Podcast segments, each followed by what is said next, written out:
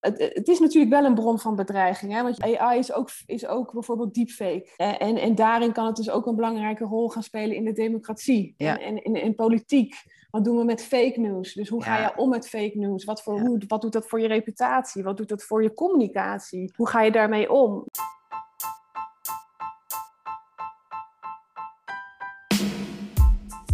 Welkom bij Getting Comfy With de podcast waarin we in gesprek gaan met een professional, al dan niet uit de communicatiewereld, om te praten over onderwerpen die gelieerd zijn of te maken hebben met of invloed hebben op het mooie communicatievak. Artificial Intelligence, ofwel AI. Moeten we het omarmen of moeten we het vrezen in ons vak? Bij de Hogeschool van Rotterdam loopt een expert op dit gebied rond, Marije Brom, docent en onderzoeker van het jaar 2020. Haar missie? Kunstmatige intelligentie nog toegankelijker maken voor toekomstige communicatieprofessionals. Marije, welkom. Dank je. Wat leuk om hier te zijn. Fijn dat je er bent. Ja. Uh, we beginnen altijd met hoe drink je je koffie? Nou, dat zal ik je vertellen. Uh, er zijn echt twee bijzondere dingen. Of dat vindt mijn man in ieder geval. Ik drink al ongeveer 15 jaar een koffie verkeerd, maar dan wel met veel schuim, maar van geitenmelk. Oké. Ja, ja, ik vind dat, eh, ben ik gaan drinken toen ik dacht, oh, melk is echt heel slecht voor je. Ik geloof ook niet dat het heel gezond is. Maar dan was geitenmelk was de beste optie. Ja, ja. Haver, en havermoutmelk vind ik niet zo lekker. Dus toen ben ik toch bij de geitenmelk gebleven. Ja, ik vind het echt heerlijk. Maar veel mensen denken, het ziet echt zo'n vies geitensmaakje aan. Ja. En ik drink mijn koffie... Ja, maar je bent, ja, maar ja, goed. Dus ik vind, ja, dat vind ik wel lekker. En ik drink ook mijn koffie uit een veel te dure beker volgens mijn man. En ik zei, ja, maar dat, dat, weet je, dat maakt er gewoon de experience van koffie drinken maakt het nog fijner. Ja. Dat ik gewoon mijn koffie drink uit een handgemaakte mok. Wauw. Ja, die veel te duur is. Maar goed, dus dat, uh, zo, drink ik mijn koffie. je hebt gewoon je eigen koffiebeleving elke dag. Ja, ik heb echt mijn eigen koffiebeleving. Ja, kijk, er zijn nog niet zoveel momentjes afgelopen jaar. Dus dan maken we van het koffiemomentje maar het momentje van de dag. Helemaal goed. Hou dat vast, zou ik zeggen. Ja. Um, even kijken, uh, uh, AI of AI, hè, we hadden het er net al over hoe je het uitspreekt. Nou, we, we doen AI in deze aflevering. Uh, voor velen merk ik nog dat het best wel een ver van mijn bedshow is. Um, ja. Ehm, hoe zie je dat nu eigenlijk al terugkomen in communicatie? Hebben we er al mee te maken? Um, nou, ik, ja en nee. we doen op de Hogeschool Rotterdam bij Creating 010 doen we onder andere onderzoek naar Say Hi to AI. En daarbij hebben ik en een aantal collega's uh, een aantal interviews gehouden met mensen uit het communicatievak. Uh, en wat je ziet is dat wanneer er wordt gesproken over AI, mm uh, er ook wordt gesproken, dan wordt er ook mee bedoeld dat men data-gedreven werkt. Dus dat men okay. data inzet om data-gedreven beslissingen te maken. Ja. ja. Um, en dat kan al zo zijn dat jij bijvoorbeeld je, je, je, je Google dashboard, weet je wel, je adboard gebruikt om te kijken welke advertenties op geklikt worden en dat je daarop je advertenties gaat aanpassen. Maar dat is natuurlijk nog geen AI. Hmm. Um, wat je wel ziet bijvoorbeeld is dat er wel steeds meer wordt nagedacht over, weet je, hoe gaan we eigenlijk om met onze data en hoe ja. kunnen we onze data beter gaan inzetten. Um, maar ik denk vooral dat de, ja, de grote corpus enigszins misschien wel genoeg data hebben om daadwerkelijke datasets te gaan trainen. Die, weet je wel, een, een automatische beslissing gaan nemen. Maar ik denk dat de gemiddelde ja, communicatiebureaus, al dan niet gespecialiseerd, dan wel. Maar ik denk dat gewoon een gemiddelde communicatiebureaus daar, daar nog niet heel veel mee bezig zijn. Nee, nee. Maar zouden we er wel al mee bezig moeten zijn?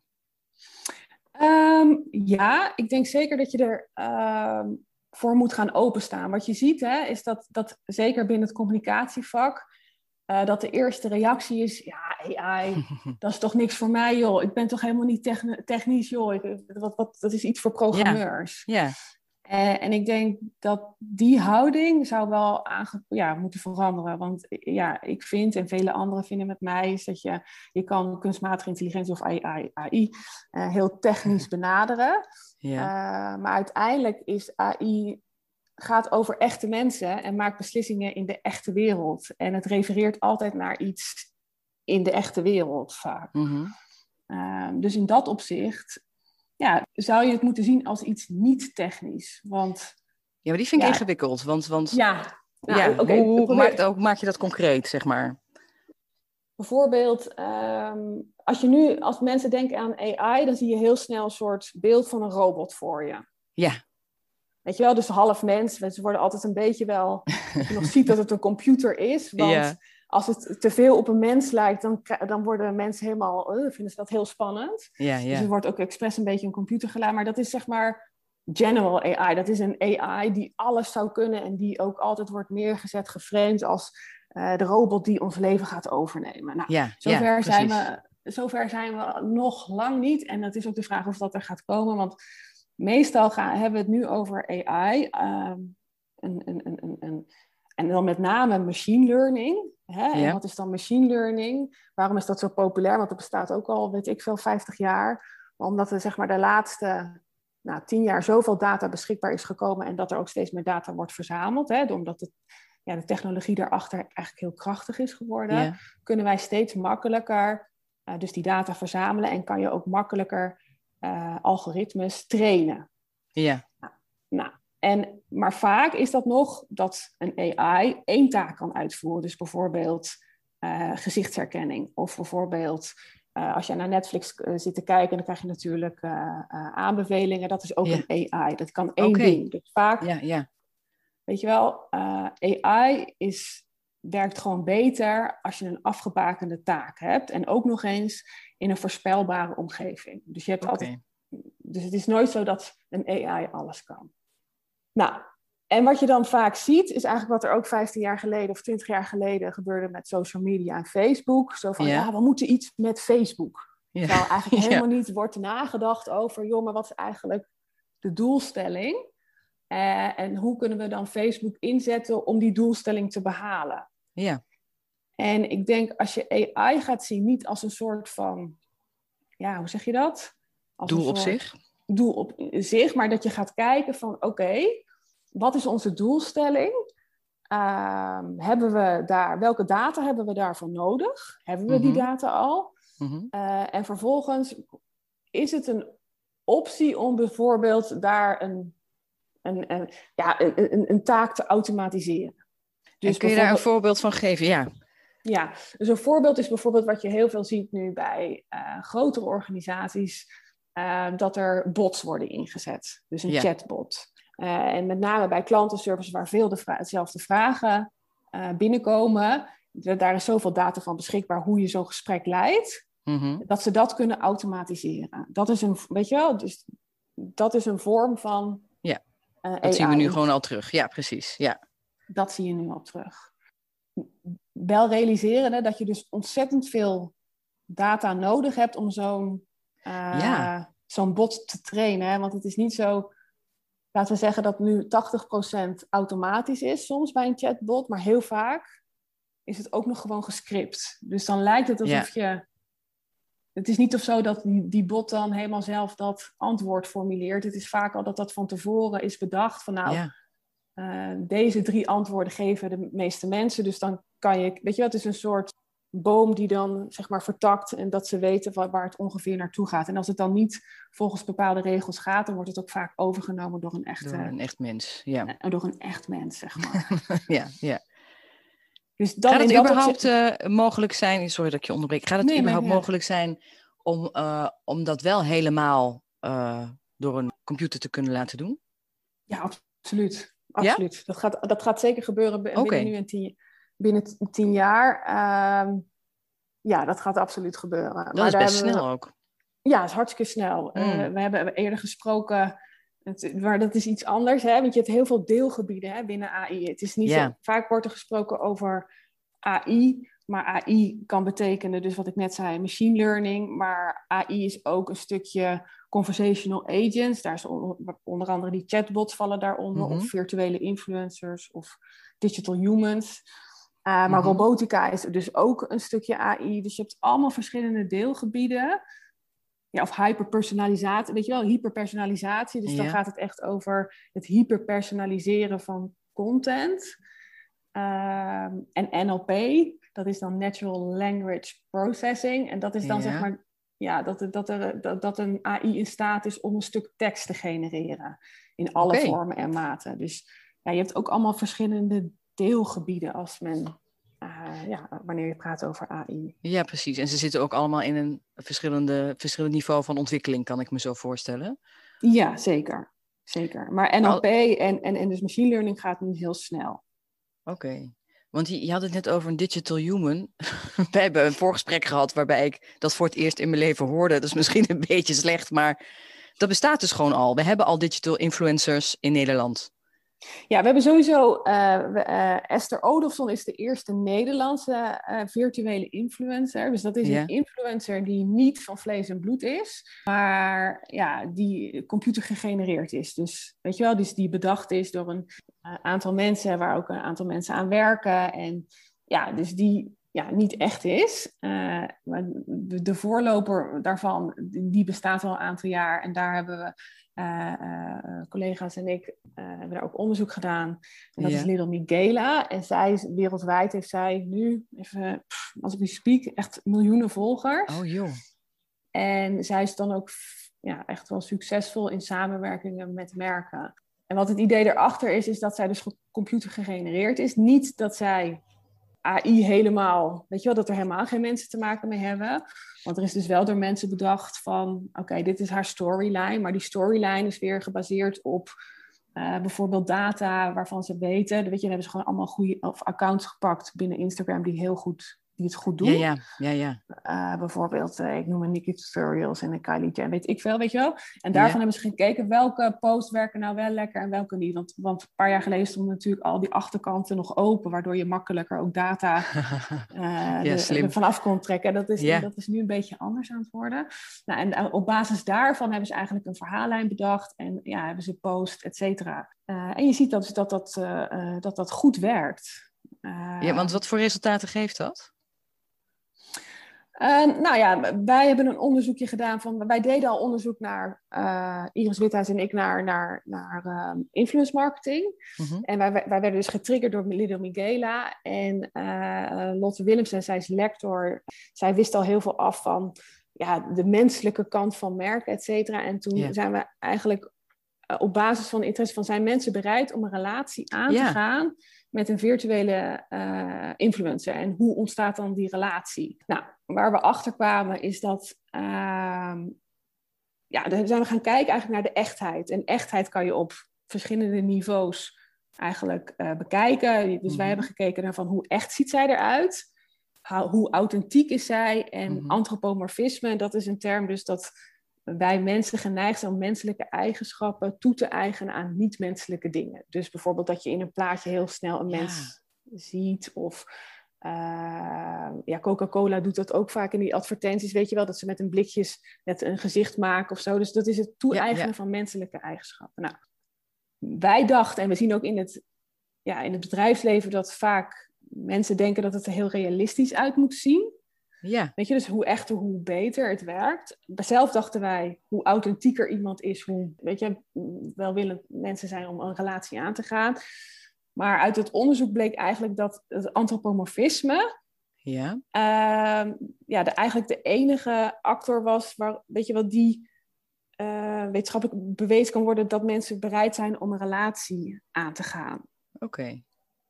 En dat betekent dus... eigenlijk dat hoe meer uh, menselijke eigenschappen uh, mensen zien in Miguela, hoe meer ze bereid zijn om een relatie aan te gaan. En dat zit niet per se in uiterlijkheden, als ik jou dan hoor. Nee, er zit hem dus, dus nee. dat betekent dus dat een, een, een digital human er best wel digital uit mag zien. Ja. Maar dat het vooral gaat over hoe, hoe menselijk die persoon zich gedraagt. Dus bijvoorbeeld... Het, het, ja? Het raakt, ja, het raakt heel erg aan de psychologie ook van de mens eigenlijk. Nou, dat. En, dat, ja. en dat, dan wordt het ook interessant voor een communicatiespecialist. Mm-hmm. En uh, ook voor, het gaat ook over beïnvloeden. Ja. Weet je wel, we zien dus nu dat er digital humans worden ontworpen uh, eigenlijk voor die klantenservice. Hè? Dus dat, en dat, dat, de, dat de bedrijven heel erg hun best doen om, de, om, ja. om die persoon zo echt mogelijk eruit te laten zien. Maar hij is eigenlijk heel plat. Biedt eigenlijk helemaal niet het verhaal erachter van die persoon. Waardoor die dus ook heel plat wordt ervaren. En mensen dus ook niet ja, bereid zijn om bijvoorbeeld zo'n gesprek met zo'n digital human aan te nee, gaan. Nee, precies.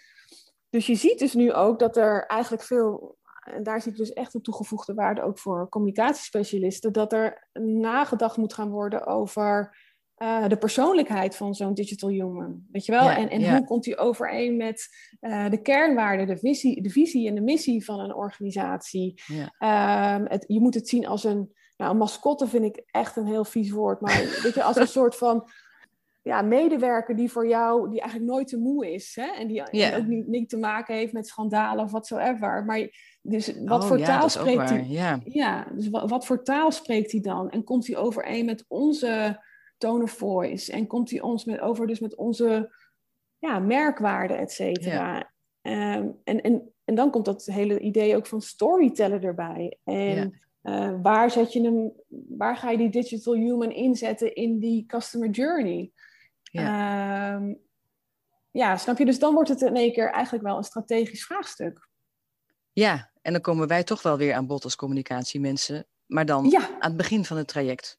Ja. Ja, het fascineert mij mateloos dat het gepikt wordt, zo'n uh, zo'n digital human of een, een chatbot. Hoe bedoel je? Nou, dat ik, ik, maar goed, het is heel erg vanuit mezelf bekeken, dat ik denk, uh, ja, ik, ik zit gewoon niet met iemand echt te praten, weet je wel. Hoe serieus moet ik dit nemen? Ja, maar dat is dus hetzelfde. Daar had ik gisteravond nog een gesprek over. Want uh, mijn, mijn man en ik zitten, zitten in die crypto's en we hadden het over NFT's. Dus dat zijn die digitale kunstwerken die je dan koopt. Ja, dat vind ik echt heel ingewikkeld. Dus dat je dus nu een digitaal kunstwerk koopt voor weet ik voor hoeveel geld. En dat ik dan ergens online dat digitale kunstwerk heb en dat het dan is. En dat dat dan heel veel geld waard wordt. Nou, het is hetzelfde ongeveer. Dus ik, ik refereer weer even aan bijvoorbeeld een Facebook. Dat we, of aan de mobiele telefoon. Weet je, je kent dat filmpje wel. Dat je zegt, nee joh, ik ga echt niet uh, ja, dat ken ik, ik wel. Ik heb toch gewoon een telefoon. Waarom? Ik ga toch, ja, waarom? En hetzelfde geldt toen, toen de tijd voor Facebook. Van ja, jeetje, ik ga toch echt niet digitaal mijn leven uh, online zetten. Ben jij gek geworden? En het, hetzelfde is dus nu eigenlijk ook met die digital humans. Ja, we, ja, we, ja ik denk als het eenmaal waarde uh, gaat creëren, dus dat je het echt bijvoorbeeld een service verleent, of je ziet ook dat digital humans steeds meer ingezet gaan worden bij bijvoorbeeld zorgvraagstukken. Hè? Dus bijvoorbeeld uh, eenzaamheid of depressiviteit. Dat vinden mensen soms moeilijk om te bespreken met echte mensen. En dan mhm. zou je bijvoorbeeld een digital human uh, in kunnen zetten op, wel, niet zomaar, hè, daar, daar is heel veel begeleiding en onderzoek nou, naar nodig. Ja. Uh, maar je zou dat wel kunnen gaan inzetten om, een eerste, om die drempel te verlagen. Of, snap je? Ja, ja, dus ja, zeker. En als het dan waarde gaat toevoegen, of Ehm, je hoeft niet meer in de wacht te staan, bijvoorbeeld bij T-Mobile voor 20 minuten, maar je wordt meteen geholpen door een digital human. En dan neem je het wel. En het is af, dan neem je het wel. Ja, want dan, doet Het er niet meer dan, dan maakt het niet zoveel uit. Het gaat erom dat jij je geholpen moet voelen. Precies, precies. Zie je ook nog ehm. verschillen in generaties? Want ik ben natuurlijk gewoon wel uh, wat ouder. Ik ben geen digital native. Heeft dat ook nog uh, invloed op hoe, je, hoe we er tegenaan kijken? Um, nou, dat, dat kan ik niet vanuit een wetenschappelijk oogpunt uh, zeggen. Ik kan het alleen zeggen uit ervaring die ik heb met studenten. En de onderzoeken uh, uh, die we ook doen met studenten. Ehm, dat is ook heel gemixt. Dus sommige studenten hebben niet door dat bijvoorbeeld dat ze een, een digitaal of een virtuele influencer zien. En dan schrikken ze ook echt als ze merken dat dat zo is. Oké. Uh, sommigen die vinden het juist gewoon heel cool. Die zeggen, wow, zij ziet er echt... Uh, zij kan echt zichzelf zijn en uniek en van deze tijd. En, ja, ja. en sommigen zeggen dus ook van ja, ik weet dus niet of ze echt of nep is. En dat vinden ze spannend. En ik denk dat de eerste reactie sowieso van nou ja, 80% of je nou jong of oud bent van nee, daar wil ik niks te maken mee hebben. En uh, uh, dit is niks voor mij. Maar dat is sowieso met nieuwe technologie. Dus ja, dat is, precies. Dat is wel wetenschappelijk bewezen dat zodra er een nieuwe technologie wordt geïntroduceerd, dat mensen in de eerste instantie denken, uh, nee, liever niet. Nee, nee, nee. Ja, het is toch, het is ook geinig om te zien dat eigenlijk authenticiteit heel erg wordt geëist hè, vanuit, de, vanuit de consumenten nu, richting merken ook. Mhm. en, en hoe past dat dan op zo'n uh, virtual human? Nou, um, die authenticiteit hebben we wel, ja, je ziet bijvoorbeeld, je, je zou kunnen zeggen dat van die self-disclosures, hè, dus ja, dat, dat, dat was een paar jaar geleden heel populair, bijvoorbeeld op Instagram, dus dat je je echte verhaal ging vertellen. Ja, ja, ja. ja. Uh, je echte ik, en dat je daarmee dus die authenticiteit, uh, ja, ging je daar een soort, ja, kan je daarmee benadrukken, en dat noem je dus mm self-disclosure. Um, en dat hielp wel. Um, ja, dat had wel zeg maar, maar het had vooral betrekking op dat antropomorfisme. Over, weet je, dus dat het een soort van menselijk is als je dat doet. Alleen, uh, uit onderzoek van ons blijkt dus dat je met name dus je positieve emoties kan, moet laten zien. Maar als ze dan Miguela negatief werd, ja, ja dat hielp dan averechts in die relatie. En dat heeft dus eigenlijk, ja, dus dat heeft dan averechts heeft dat dus invloed op die authenticiteit en ook op averechts op dat antropomorfisme, waardoor dus mensen ook minder bereid zijn om die relatie aan te gaan met Miguela. Ehm, ja. Dat is, wel interessant, dat is wel interessant dat dat eruit komt rollen dan. Ja, dat is wel interessant. Maar wat er dus vooral interessant aan is, is dat eigenlijk dus ook dat die authenticiteit minder van belang is. En het realisme eigenlijk ook. Want je ziet dus vooral dus wat ik zei in het werkveld, dat dat realisme als belangrijk wordt ervaren. Maar dat het dus eigenlijk gaat over het verhaal. En over de menselijke eigenschappen. En hoe, weet je wel, hoe ga je dat in je merk of je organisatie, ga je dat uitdragen? En dat is niet alleen een vraagstuk wat je natuurlijk ziet bij virtual humans, maar sowieso bij merken. Hè? Dus omdat het, de consumenten eisen steeds meer die menselijke kant. Ja, ja. Ja. En dan kan je natuurlijk, authenticiteit is daar een onderdeel van, maar er zijn eigenlijk veel meer uh, dingen over te zeggen. Ja, ja. Ja, want even terug ook op wat je aan het begin zei van hè, de, uh, tekst genereren bijvoorbeeld. Ja, dat is een hele interessante. Ja, hoe, hoe, hoe gaat dat? Uh, nou, je hebt dus nu, wat je ziet, is eigenlijk um, OpenAI, dat is een, een bedrijf in San Francisco, ooit op, opgezet door Elon Musk. Mhm. En eh, GPT, en we zitten inmiddels bij GPT-3, mhm. is eigenlijk dus een, een taalmodel mm die getraind is met 175 miljard parameters. En dat betekent dus, dat is heel veel. En dat betekent dus, is dat bij, moet je je voorstellen, bij GPT-2, want dit is in uh, juli, uh, GPT-3 is dan afgelopen juli gelanceerd. Maar die, die, die voorganger, die kon al, uh, stel je voor dat, dat, dat je een pagina hebt van Lord of the Rings, die werd daar, weet je wel, ingezet. En dat model, dus dat algoritme, die AI, kon gewoon een hele pagina gewoon schrijven. En je zag niet, weet je, mensen wisten niet of het door dus die, die AI was geschreven of door een echt mens. Oh joh. En omdat het dus een open AI is, pretenderen ze, daar hebben wij nu als gewone burger, consument nog helemaal geen toegang toe, maar er zijn wel mensen die daar wel toegang toe hebben en we krijgen daar in de toekomst wel toegang toe, is het dat dat dus een AI is die uh, voor jou gewoon hele goede tekst kan genereren. Dus je kan je voorstellen als jij met name bezig bent met het schrijven van persberichten, dat zo'n zo, dat zo'n systeem, zo'n AI, ja, ja. die, ja, die gaat dat overnemen. En waarschijnlijk ook beter. En ook bijvoorbeeld in plaats van één versie, dat hij er misschien wel 15 genereert op basis van uh, de verschillende doelgroepen die je wil bereiken, weet je wel. En die dan, en dat jij weet van, nou, die, die, is een beetje gevoelig voor dat, weet je, dat dat dus die kan. Die nuance ook gewoon echt kan aanbrengen. Oké. Ja. ja. Ja, en ook heel snel. Dus dat jij misschien een halve dag of ik een halve dag bezig bent met het schrijven van een persbericht. Ja, ja. En doet, doet deze dat in 30 seconden. Joh. Maar waar, waar blijf ik dan nog als tekstschrijver? Ja, dat is een goede vraag. Nee, nee, ik denk dat de tekstschrijvers. Um, je kan gaan nadenken van. Je, sowieso dus veel beter gaan richten op dat, op dat strategische niveau. Van ja, wat is dan die tone of voice hè, die we willen waarborgen? Um, wat is nou eigenlijk, die doelstellingen worden steeds krachtiger. Um, maar dus ook gaan nadenken over uh, die doelgroepen. Um, En daarbinnen dus die, ja, waar zijn zij dan gevoeliger voor? En ik denk dus ook dat je kan nagaan denken van hoe wil je dat zo'n, over een tijd, gaan wij zelf die, die, ja, die, die, die AI trainen? En hoe ga je die dan trainen? En je moet je ook voorstellen is dat uh, het is ook altijd biased. Weet je, er zit altijd een, bio, een bias, bias in. En daar zie je dus ook wel echt wel een rol weggelegd voor communicatieprofessionals. Is dat je gaat nadenken over van hey, ehm, welke data hebben we? Ehm, door wie is die gegenereerd?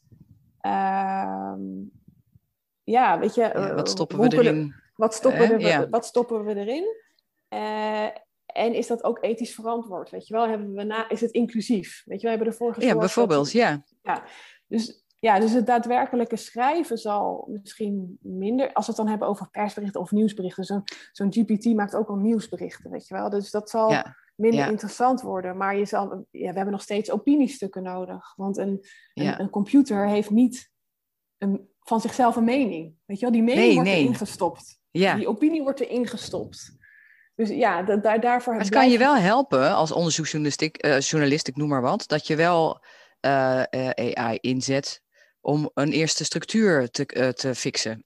En dat je daarna je eigen saus eroverheen legt met je mening en je nuances. Bijvoorbeeld. Zoiets. Ja, Ja, ja. Dus dat, weet je, AI is gewoon... Ja, ze hebben geen gevoel nog, hè? Dus dat, Nee, is, dat nee. is het allermoeilijkste. En het is super moeilijk om emotie in een AI te doen. Dus daarvoor heb je gewoon echt nog wel de komende, weet ik veel hoeveel jaren, heb je daar gewoon ook... Het is gewoon een... Het is niet of zo dat, ons ook, dat het gaat, ons gaat overnemen of het vakgebied gaat overnemen. nee, maar dat wordt wel vaak eh, gesuggereerd, hè? Merk Nee, ik. het is geen... Het, kan, het, het is natuurlijk wel een bron van bedreiging, hè? Want je kijkt, Ja. AI is ook, is ook bijvoorbeeld deepfake. Eh, Ja, ja, exact. Ja, En, en, en daarin kan het dus ook een belangrijke rol gaan spelen in de democratie. Weet je wel? Ja, in, ja. in, in, in politiek. Wat doen we met fake news? Dus hoe ga je om met fake news? Wat, voor, hoe, wat doet dat voor je reputatie? Wat doet dat voor je communicatie? Hoe ga je daarmee om? Weet je wel? Dus er komen ook heel veel nieuwe aspecten om de hoek kijken. Het verandert. Dus je moet het echt gaan zien als een, als een, als een, als een bondgenoot. En gaan kijken van oké, eh, wat als eh, AI het, het- ja, het- dat stukje tekst kan overnemen. Maar ja, er zijn nog zoveel facetten daaromheen waar een communicatiespecialist eh, van belang is. ja, ja. Voorlopig nog wel. Absoluut. Maar dat hele ethische stuk, dat vind ik ook wel interessant. Doen jullie daar iets mee qua onderzoek? Ja, dat doen wij zeker binnen de hogeschool sowieso. Hè. Dus we kijken, kijk, een, HBO, kijk, een universiteit, eh, Mhm. of laat ik het zo zeggen, een HBO zit vooral in de toepassing. Dus Ja. hoe kunnen we het daadwerkelijk toepassen? Dus wij gaan niet per se een algoritme ontwikkelen. Dat doen we wel, maar het is niet het, weet je, het is meer van, hey, hoe kunnen we dat algoritme of die AI gaan toepassen? Ja, ja, Dus je ziet bijvoorbeeld een, een, een alumni van de Willem de Koning heeft nu gekeken hoe je deepfake kan inzetten om angsten te overwinnen. Dat is echt een, wauw. eh, een toepassing. Ja, Eh, ik heb studenten vorig jaar heb ik een chatbot ontwikkeld waar we zijn gaan kijken van hey, hoe kan je. ehm, die kwamen zeg maar. Die gingen onderzoek doen naar ook een digital human eh, en depressiviteit. Hebben ze gekeken naar. Weet je, hoe introduceer je nou zo'n digital human bij, Ja, de, bij, ja. bij een jonge doelgroep? Eh, en dan kom je ook ethische vragen tegen. Weet je wel, want, Ja. want dan gaat het ook over welke data mag je verzamelen, ja of nee. Mhm. Ehm, wat doen we dus met die privacy? Maar dus ook weer, ehm, hoe reageer, weet je wel, als we het dan, wat voor soort data stoppen we erin en welke doel, weet je wel, wat is dan van belang voor die Ja. doelgroep? ja, ja. Ehm, ja, dus we kijken vooral naar de. Weet je, ik, ik vind ethiek, dat kan je op heel veel manieren interpreteren, maar ik vind dat eigenlijk een beetje de menselijke kant van AI. Ja. Dus je kan AI dus heel technisch benaderen, maar dus ook dus die menselijke kant. En dan Mhm. gaat het dus eigenlijk over de verbinding met de echte wereld, weet je wel? En, en ja en ook wat het Eh, teweeg brengt. wat het teweeg brengt. Ja, en ehm, je kan ook gaan nadenken over AI kan het, maar willen we het ook? Weet je wel? Ja, Dus dan, dan, ja, dan krijg je dat vraagstuk. En dat is dan meer een filosofische kant. Ja. Dus dan wordt het naast dat het eigenlijk psychologisch een, een kant heeft, wordt het ook een filosofisch iets. En je hebt Mhm. dus ook die business kant. Want wat we dus merken ook uit interviews met het bedrijfsleven, is dat er heel veel behoefte is. Kijk, een communicatiespecialist zal niet ooit zo technisch worden als die hele data nerds, weet je wel? Maar die data. Maar dat hoeft ook eh, niet. dat hoeft dus ook niet, want waar Nee. dus behoefte aan is, is eigenlijk mensen die wel bereid zijn, en dat moet ook echt Ja, willen, ja. die taal enigszins of die data nerds te weet je, willen begrijpen, maar ook juist die, eh, dat vraagstuk van hun manager of weet, weet je wel, kunnen omzetten naar die data Ja. En vervolgens ook nog eens weer, weet je wel, in- eh, als het dan duidelijk is geworden, ik had dus met, eh, met iemand, een, die heeft een PR-bureau, als er dan uiteindelijk, uh, ging het meer over data gedreven beslissingen maken, als er dan bijvoorbeeld een goede campagne is ontwikkeld gebaseerd op, op data, dat jij mhm. dus ook een, een, goede presentatie kan geven naar die business managers. Van joh, weet je wel. Ja, en, dus die, die vertaler zijn. Uh, Bijna en, wel, ja. Ja, en daar is wel echt behoefte aan. En ehm, ja, daar, daar zie ik ook echt wel een rol voor communicatiespecialisten, weet je, die, die, die, die spelverdeler te zijn tussen die verschillende disciplines. Ja, weet je wel? Dus dat jij uh, eigenlijk die connector bent, hè? Die, die, die, ja, die bruggenbouwer tussen die verschillende uh, personen. Ja. En wat zouden wij nou kunnen, kunnen lezen of kijken of luisteren, waarbij we daar al een beetje in meegenomen worden? Dat we al een beetje weten hoe het werkt? Um, nou, op de NPO's bijvoorbeeld best wel een interessante uh, serie, dat heet Media Logica. Hè? Dat gaat ja. meer over, over data en, en, en, democratie en zo. En het gaat ook over deepfake en, en fake news, et cetera. Ja, wat, wat kan je doen? Wij, ik heb, wij hebben zelf hebben een paar leuke artikelen. Dus als je googelt op mijn naam, kom je aan een leuke artikelen tegen. Dat gaan we zeker doen, ja. Um, ja, wat, ik zou er vooral wat je kan doen, is misschien je houding veranderen. Vooral en, en, mhm. misschien bedenken dat in plaats van dat je denkt, nou, dit is niks voor mij. Dat zie ik ook mhm. bij studenten. Ja, mevrouw Excel, dat is echt niks voor mij. Joh. En dan denk ik, ja, dat is leuk, maar je gaat wel in een vak werken waar data super belangrijk wordt, weet je wel. Dus je kan wel blijven zeggen dat het, niet, dat het niks voor jou is en dat je er niks mee hebt. Hetzelfde geldt dus voor AI. Je kan wel blijven zeggen, ja, dat is niks voor mij, joh. Dat heb ik helemaal niks mee te maken. Is dat je wel gaat bedenken van, oh, oké, misschien is het wel iets voor mij. Ja. Ehm, en je dus meer gaat kijken, dus dan hoef je echt niet uh, die technische kant te begrijpen, maar wel gaan kijken. Nieuwsgierig van, zijn. Ja. Nieuwsgierig zijn, je houding openzetten. Ja, dat, dat, dat, dat zou wel een tip zijn. Een, goede, een goed begin, inderdaad. Een goed begin, ja, zeker. Jij zit hier al een tijdje in, hè, maar er is ergens ook iets bij jou gepland. Hoe ben jij zo gefascineerd geraakt en ook terechtgekomen in het onderwerp? Ja, ehm, laat ik het zo zeggen. Ik kom uit de bureauwereld en ik word eigenlijk gewoon gedreven door innovatie. En dan met name, weet je wel, ik kom uit die digitale hoek.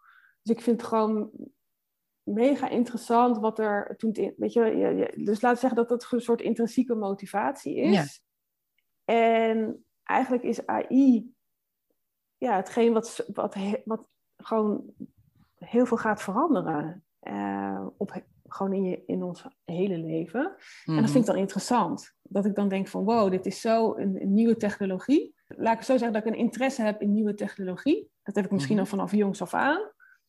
En dan, word je, dan kom je steeds meer voorbeelden tegen. En dat blijkt dan allemaal gerelateerd te zijn aan ja, een soort verzamelnaam AI. Een soortzelfde basis. Waar je, ja, ja. ja, en dat is dan nu ben ik met name geïnteresseerd in digital humans en conversational agents. Uh, en misschien is dat over uh, vijf jaar, uh, is dat misschien wel deepfakes. ik weet het niet. het gaat zo snel. Ik wou net zeggen, kun je al een beetje voorspellen waar het heen gaat? Of, of... Nee, dat, dat, dat, dat durf ik niet. Nee, dat durf ik hmm. niet. Maar wat ik wel interessante ontwikkeling vind, bijvoorbeeld met die virtuele influencers. Ehm, dat is nu vooral op marketing en branding gericht. Ja. Maar ja, wat ik wel een interessante ontwikkeling vind, is dus ook die, ja, hoe dat van invloed kan zijn op bijvoorbeeld ja, de democratie en de normen en waarden, die ja. onze gemeenschappelijke normen en waarden. Want als wij allemaal steeds meer op onze in onze filterbubbel zit, zitten, zeg maar. Ja, dat is wel een gevaar. hè? Ja. ja, en als wij ons laten beïnvloeden, niet meer door de meer traditionele nieuwsmedia, omdat, weet je, omdat daar aan getwijfeld, er, is, ja, er wordt wat gecreëerd dat je daar aan mag of kan twijfelen.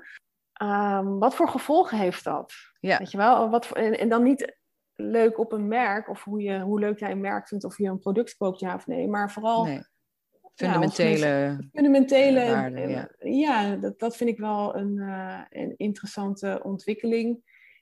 En ik vind het gewoon ook heel interessant van ja, dat introductievraagstuk met die digital humans, weet je wel. Uh, waar gaat dat naartoe? Ja, want het is ook voor de overheid denk ik wel essentieel dat hier iets mee gedaan wordt. Hè? Of dat ze er in ieder geval ja, ik vind in ieder geval dat ze, er veel dat, dat, ze er serieuzer over moeten gaan nadenken. Weet je wel? Ik bedoel, laten we eerlijk zijn hoe de overheid soms ja, discutabel zijn met data omgaan soms. En je kan je ook afvragen, de systemen die ze, nou, nou niet discutabel ze ermee omgaan, maar wel de systemen die af en toe gebouwd worden. En Ja.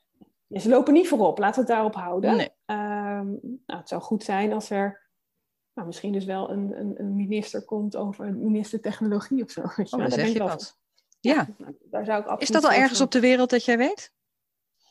Nee, maar ik weet wel, zeg maar, als ik kijk op mijn LinkedIn, want ik zit natuurlijk ook in mijn eigen eh, filter. eh, Je eigen bubbel. Ja, in mijn eigen bubbel zie ik wel dat daar, eh, dat daar een oproep wordt tot, gedaan. Ja, zeg. ja, ja, het gaat ook zo snel, wat je net al zei. Hè? Je moet eigenlijk wel. Dan... Je moet eigenlijk gaan wel. mis je de boot, wel. ja. ja, ja, Hmm. ja. Hey, hoe blijf jij bij, eh, los van je LinkedIn-feed? wat lees je of wat kijk je? Wat hoor je? Ehm, nou, hoe blijf ik bij? Ik heb ook dus een man, die zit ook, die is ook wel gewoon... Het is ook een soort van antenne hebben. Mhm. Ehm, ik blijf ook bij door studenten. Dus weet je, waar zitten zij op, et cetera. Ja, ja. Ik moet wel zeggen dat ik begin af te haken op het hele TikTok-verhaal. Maar dat is nou goed. Oh ja, dat is misschien persoonlijk. is ook smaak, denk ik. Dus ook smaak, denk Ja. ik inderdaad. En hoe blijf ik bij? Ja, ik lees gewoon heel veel blogs. En ik eh, vanuit LinkedIn kom... ik- Weet je, en, eh, ja, het heeft toch te maken met het netwerk ook waar je in zit, digitaal en ook offline. Weet je, dan word je ook, krijg je dus ook informatie tot je, wa- wat misschien anderen niet direct altijd tot zich krijgen. Nee. Dus ik word ook wel echt wel gevoed door de personen eh, via, via, via ook weer mensen die liken. Weet Ja. je, dan kom ik terecht bij artikelen en zo word ik weer gewezen op een onderwerp en dan ga ik daarop verder zoeken. Zo Ja, blijf ik ja. bij. En ik heb, weet je, ehm, Lotte Willemsen, de, die, de lector waar ik me zou, die is ook een inspiratie, weet je, want die weet, dus het is ook, ja, zo, zo laat ik me gewoon informeren. En daarnaast ook gewoon, ja, ook gewoon door Instagram en kijken wat er onder reactie staat. Want ik vind eigenlijk de reacties soms bij posts nog Ja, nog interessanter interessanter, ja zeker. dan, ja. dan, de, dan, dan de, de post eh, zelf, weet je wel. En eh, ja, dat geeft Ja. gewoon ja, ook weer nieuwe ideeën. ja, denkrichtingen, dat kan ik me voorstellen, ja. En wanneer is jouw missie geslaagd? Jeetje. ik heb altijd een korte, weet je, ehm, het lijkt me, mijn missie is geslaagd als, er, als ik mensen meekrijg dat ze, dat ze een ander denkkader krijgen over kunstmatige intelligentie. Weet je, dus als ze, Ja.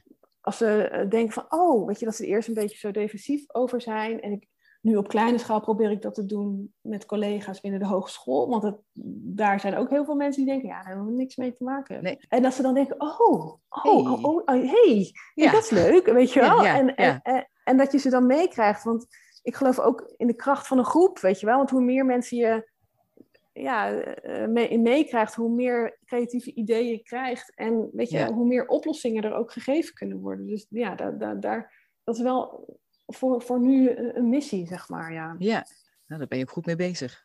Als ik Ik het allemaal zo lees en zie. Ja, ja, ja, hartstikke goed. Hey, als mensen met jou in contact willen komen, eh, wil je dat en kan dat? ja, dat, dat mag en wil, wil ik absoluut. Dat vind ik altijd hartstikke leuk. Ik denk de makkelijkste weg is gewoon via LinkedIn. Mhm. En eh, ja, eh, link me, zou ik zeggen. Ja, Of je kan me ook, en daar, via daar kunnen we gewoon gaan mailen. Maar ja, ik ben op zoveel kanalen bereikbaar, maar LinkedIn is gewoon een, eh, eh, een goed kanaal. precies. Overal vindbaar. Heel goed. Ja, Oké. Nou, dan zijn we er al doorheen. Dankjewel voor je tijd. joh. Nou, Ja. ja. graag gedaan. Hartstikke graag gedaan.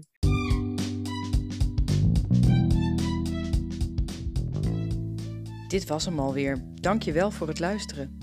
Wil je nou ook een keer een kop koffie drinken en doorpraten over ons mooie vak? Dat kan natuurlijk altijd. Kijk even in de show notes, daar staan mijn contactgegevens. En anders kun je kijken op futurecommunication.nl. En ken je of ben je nou iemand met een goed verhaal? Laat het me dan ook even weten. Graag tot de volgende!